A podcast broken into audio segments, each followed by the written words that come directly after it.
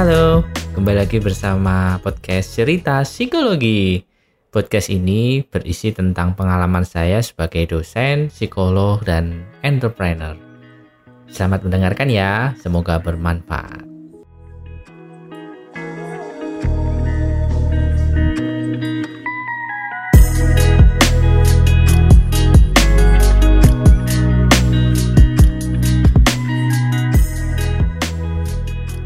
Pada kesempatan ini, saya akan membahas tentang sebuah konsep tentang tahapan kesedihan.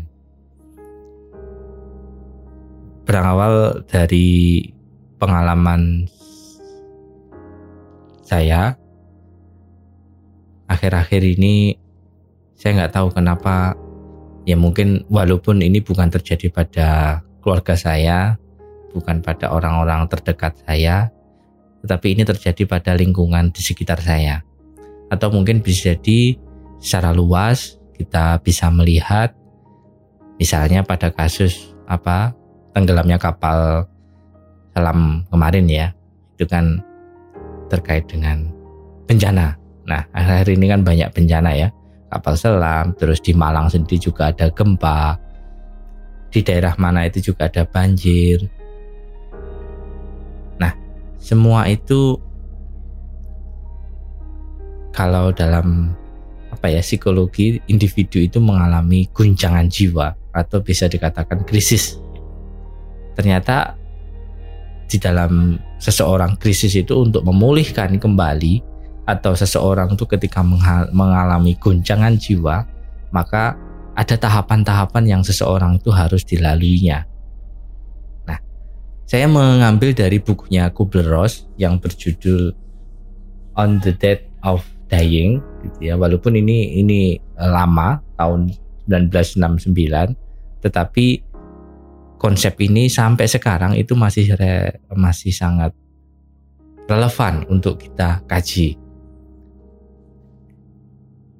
Lima tahap itu apa sih gitu ya? Seseorang itu harus melalui proses ketika seseorang itu mengalami musibah, seseorang itu mengalami bencana, seseorang itu mengalami kehilangan gitu ya, kehilangan orang-orang yang dicintai atau sekarang ini kan Covid gitu ya.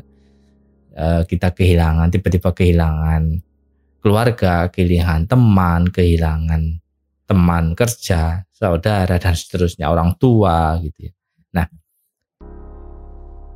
ada tahapan-tahapan yang seseorang uh, eh, yang yang harus dilalui seseorang. Di antara yang pertama yaitu denial. Jadi kalau orang itu menghadapi bencana, kematian dan seterusnya yang saya sebutkan tadi, hal yang pertama kali seseorang itu uh, rasakan adalah denial. Denial itu serak, se seperti tidak percaya. Kenapa kok terjadi padaku? Kenapa ini kok terjadi? kayak tidak percaya bahwa sesuatu hal ini akan terjadi pada dirinya apa salah hidupku dan seterusnya jadi eh, tahapan pertama itu denial atau bahkan bisa jadi masih belum percaya ini terjadi gitu. misalnya kita kehilangan eh, orang yang kita cintai jadi kita masih belum percaya bahwa orang yang kita cintai itu sudah tidak ada nah ini ini masa-masa yang sulit. Pertama kali adalah denial. Jadi ketika masa denial ini individu itu justru malah tidak menunjukkan bahwa dia sedang aku nggak apa-apa, aku tidak sedih. Karena dia di, tidak menerima bahwa dia belum percaya bahwa ini terjadi pada dirinya. Dia belum percaya bahwa misalnya dia kehilangan rumah, dia belum percaya dia kehilangan uh, sanak saudara gitu ya. Nah, ini ini tahap denial. Dan seseorang pasti Eh, menghadapi masa ini. Terus yang kedua, tahapan tahapan setelah denial itu setelah setelah lama nanti pada akhirnya seminggu dua minggu gitu ya masa denial ini berjalan. Yang berikutnya adalah marah gitu yang yang tahapan kedua itu adalah marah. Marah ini bisa jadi uh, dia marah pada kondisi. Bisa jadi bahkan sampai marah kepada Tuhan. Kenapa Tuhan saya kok diberi cobaan seperti ini? Jadi itu ada perasaan marah. Atau bisa jadi kalau memang uh, konteksnya ini meninggal orang tua meninggal atau saudara meninggal itu kita bisa marah kepada siapa pun. Bisa jadi kalau marah pada diri kita sendiri itu juga mungkin. Karena mungkin meninggalnya itu kita bisa marah karena kita nggak bisa memberikan yang terbaik buat orang yang kita sayangi atau bahkan bisa jadi marah kepada uh, rumah sakit yang menanganinya. Ya itu sesuatu hal yang wajar karena ya memang tahapannya seperti kita masih marah gitu ya. Marah dengan kondisi yang terjadi pada saat ini. Ya tahap kedua ini memang seseorang sedang mengalami guncangan secara emosional jadi emosionalnya benar-benar labil di sini makanya ketika kita lagi berduka itu sering-sering kita me menyampaikan kepada yang bersangkutan dukungan support itu agar uh, ternyata ada orang-orang yang memperhatikan individu saya dan seterusnya itu secara tidak langsung akan meredam kemarahan-kemarahan yang terjadi tadi. Terus setelah marah gitu ya, kira-kira berlangsung satu minggu dan kadang denial sama marah ini jadi satu kadang. Jadi antara tidak percaya sama marah itu saling bergantian gitu ya. Tahapan ini bukan berarti ini harus uh, bertahap gitu ya. Tahapan ini bisa jadi ya saling beriringan, saling beririsan. Bisa marah dulu, bisa denial dulu. Nah, yang yang jelas tahapan-tahapan ini pasti ada pada diri seseorang ketika seseorang itu mengalami goncangan jiwa atau mengalami musibah. Yang ketiga sekarang, yang ketiga adalah bergaining. Bergaining ini di mana masa-masa yang mengandai-andai. Andekan kemarin saya seperti ini, andekan kemarin saya tidak menuruti, andekan saya tidak menyuruh, andekan pokoknya andekan-andekan. Nah, itu itu yang itu yang terjadi. Jadi pola-pola pengandaian itu akan sering muncul pada tahap ketiga ini. Dan yang berikutnya, tahap keempat itu adalah tahap depresi. Jadi dari satu, dua, dan tiga tadi itu akan apa ya secara terus menerus menyerang kondisi psikologis individu itu sehingga pada tahap keempat bisa jadi individu itu sudah mengalami depresi. Tapi depresi yang saya maksud di sini adalah apa ya individu itu sudah kondisi emosional sangat labil sekali. Jadi seperti kalau kalau anda pernah mendengar misalnya seseorang sudah merasa bahwa hidupnya sangat tidak berarti, seseorang sudah merasa bahwa sudah nggak ada harapan lagi untuk hidup. Nah mungkin pernah pernah ya menghadapi atau pernah tahu, pernah mendengar seseorang yang sudah pada tahap itu. Nah ini pada tahap depresi ini. Nah, ini ini tahap yang menurut saya sangat krusial sekali tahap keempat ini. Dan ini segera harus apa ya segera harus mendapatkan dukungan, segera harus mendapatkan bantuan. Itu yang harus dipahami tahap keempat ini. Dan yang terakhir kalau individu itu bisa melihat me, melewati tahap depresi ini, tahap keempat ini, nah berikutnya adalah acceptance, penerimaan. Nah, baru yang kelima ini baru individu ya sudah, ini sudah takdir yang di atas, ini sudah kehendaknya, ini sudah menjadi bagian hidup saya yang harus saya jalani. Inilah kepahitan saya yang harus saya lakukan. Inilah baru tahap keempat tahap keempat ini, eh, tahap kelima, mohon maaf. Tahap kelima ini bisa muncul karena individu sudah bisa melewati empat tahap sebelumnya. Bagaimana individu itu denial, bagaimana individu itu marah, bagaimana individu itu bergaining terus dalam hidupnya dan yang terakhir dia bisa melewati masa-masa depresi itu. Maka individu itu bisa ada penerimaan diri yang bagus. Nah, terus apakah tahapan-tahapan itu selalu ada dalam individu? Apakah mungkin manusia, apakah mungkin individu itu berhenti pada tahapan marah? Jadi seumur hidupnya dia masih marah terus gitu ya. Masih jadi belum bisa menerima. Jadi misalnya kita kehilangan orang yang sangat kita sayangi. Jadi ya seumur hidup kita masih marah pada siapa pun orang-orang yang terlibat pada waktu itu. Bahwa ya jadi belum bisa menerima bahwa kejadian itu ya sudah bagian dari kehidupan yang harus dijalani. Ya mungkin saja. Karena setiap individu pasti unik gitu ya. Setiap individu pasti punya karakter kepribadian yang berbeda-beda. Nah, ini yang sangat menarik ya hal-hal apa saja yang harus diperhatikan. Nah, bagaimana juga seseorang agar bisa langsung menerima dengan baik. Jadi ketika ada kondisi-kondisi seperti ini, hal bisa mempercepat penerimaan dirinya itu biar denial, kemarahan, bergainingnya itu tidak tidak terlalu lama gitu ya. Ya wajar ketika seseorang mengalami itu sangat wajar sekali. Yang tidak wajar kalau masa-masa itu ber, berangsur sangat lama itu yang jadi nggak wajar. Tapi kalau hanya memang satu bulan, dua bulan, ya it's okay. Tapi kalau sampai bertahun-tahun masih mengalami masa-masa itu atau masih depresi, masih belum bisa move on, belum bisa melakukan apa-apa, itu yang jadi masalah. Itu yang harus menjadi perhatian khusus. Dan kalau Anda merasa seperti itu, segera Anda minta pertolongan pada orang-orang profesional.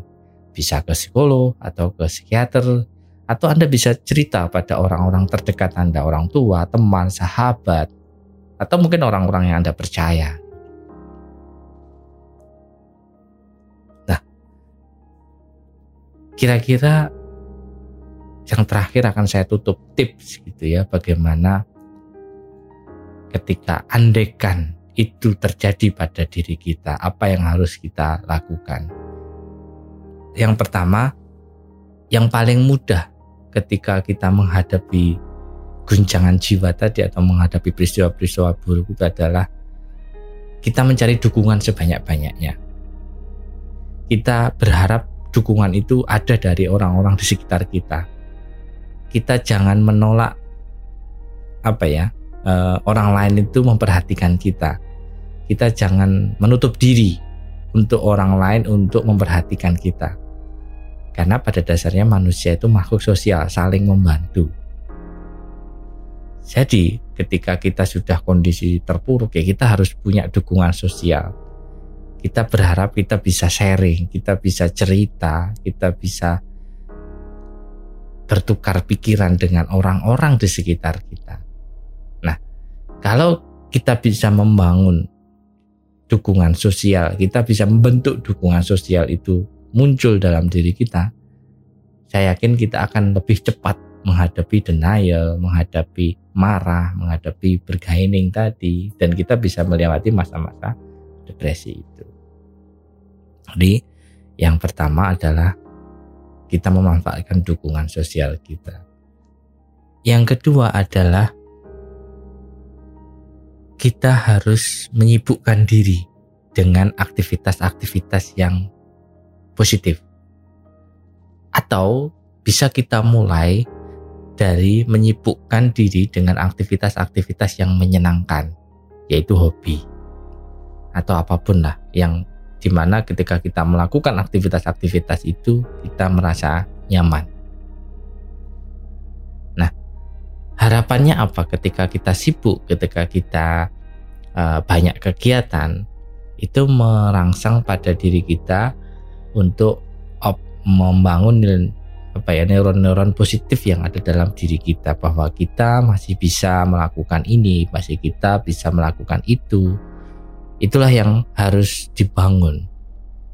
Dan jangan sampai kebalikannya. Artinya kita mengelola uh, ya mungkin kita bolehlah di masa-masa uh, sangat sulit itu kita bolehlah menikmati. Artinya menikmati kesedihan kita itu boleh gitu ya Artinya kita merasa sangat sedih dan kita menikmati kesedihan itu bahwa oke okay, saya saya sedang sedih dan saya pengen menikmati ini, pengen menangis, pengen pengen menjadi pengen mendapatkan kasih sayang dari orang-orang sekitar kita itu itu tidak apa-apa gitu. Ikuti emosi itu. Tetapi jangan sampai itu terlalu lama. Jadi ternina bubukkan oleh perasaan-perasaan yang sedih itu tadi. Dan itu harus segera diselesaikan harus diselesai harus segera dibangkitkan lagi. Yaitu tadi caranya dengan dimulailah menyibukkan diri, mulailah beraktivitas kembali, walaupun itu sulit sekali. Pelan, pelan, pelan, pasti akan akan ada jalan. Sambil menemukan kira-kira nilai-nilai apa yang ada atau kita bisa menemukan kira-kira makna dari apa semua itu yang terjadi pada diri kita menemukan makna kenapa Tuhan memberikan cobaan itu terhadap kita. Itu sambil jalan saja. Kalau hanya sekedar dipikirkan itu pasti akan sangat sulit. Tetapi kalau kita dengan melakukan aktivitas-aktivitas saya yakin itu secara tidak langsung nanti akan menemukan poin-poin yang bisa kita dapat.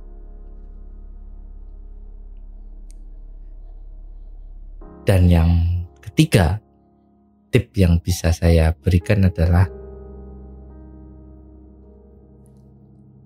yang ketiga adalah bagaimana Anda bisa membangun emosi-emosi positif dalam diri Anda. Emosi-emosi positif itu bisa dimulai dari bagaimana cara berpikir Anda. Ketika cara berpikir Anda sudah benar, maka Anda sangat mudah sekali membangun emosi-emosi positif. Nah, tentunya itu tidak gampang, tetapi Anda bisa belajar. Cobalah dari hal-hal yang kecil. Misalnya, kita mulai berpikir ketika kondisi semua sudah hampir apa ya hilang dalam kehidupan kita. Masih adakah yang bisa kita nikmati dari itu? Masih adakah hal-hal yang bisa kita dapatkan dari nikmat Tuhan yang sekian banyak itu? Ya, kalau kita bisa mencoba untuk meresapi itu, maka kita akan belajar, kita akan terbiasa dengan cara-cara berpikir yang baik. Nah, cara-cara berpikir yang baik itulah yang akan membuat kita atau emosi kita menjadi positif juga. Oleh karena itu, ya memang ini harus ada evaluasi yang sangat apa ya, sangat uh, mendalam pada individu itu sehingga individu itu pada akhirnya bisa menemukan sebuah kesimpulan bahwa semua yang terjadi dalam hidupnya itu adalah sudah kehendaknya dan itu yang harus dijalani. Kalau sudah menemukan masa titik itu, maka lima tahapan itu akan selesai dan individu akan menjadi lebih kuat lagi dalam menghadapi masalah-masalah kehidupan di kemudian hari. Sebenarnya guncangan jiwa itu bisa mengarah ke negatif, bisa mengarah ke positif. Artinya ketika individu itu mengalami guncangan jiwa yang seperti yang saya sebutkan di depan tadi, maka ya kalau individu itu tidak bisa segera me, me, menyesuaikan, tidak bisa segera memulihkan keadaan ya maka akan terus jatuh, akan terus terperosok dalam sebuah keadaan di mana keadaan itu yang negatif. Ujung-ujungnya nanti bisa jadi gangguan depresi, ujung-ujungnya nanti masalah kecemasan dan seterusnya. Tetapi kalau individu bisa segera beradaptasi dengan perubahan-perubahan yang terjadi, maka sebenarnya individu akan semakin lebih kuat karakter kepribadiannya akan menjadi lebih kuat mentalnya dalam menghadapi masalah-masalah di kemudian hari. Itu yang harus diyakini. Semoga siapa saja yang mendengarkan podcast ini dapatkan sebuah pencerahan atau inspirasi sedikit bagaimana kita bisa bangkit, bagaimana kita bisa bergerak bagaimana bisa melangkah, bahkan bagaimana kita bisa melesat jauh gitu ya dari segala keterpurukan atau dari segala kepahitan hidup yang sedang terjadi saat ini. Baik, semoga bermanfaat. Saya akhiri dengan salam bahagia, terus berkarya dan sampai jumpa.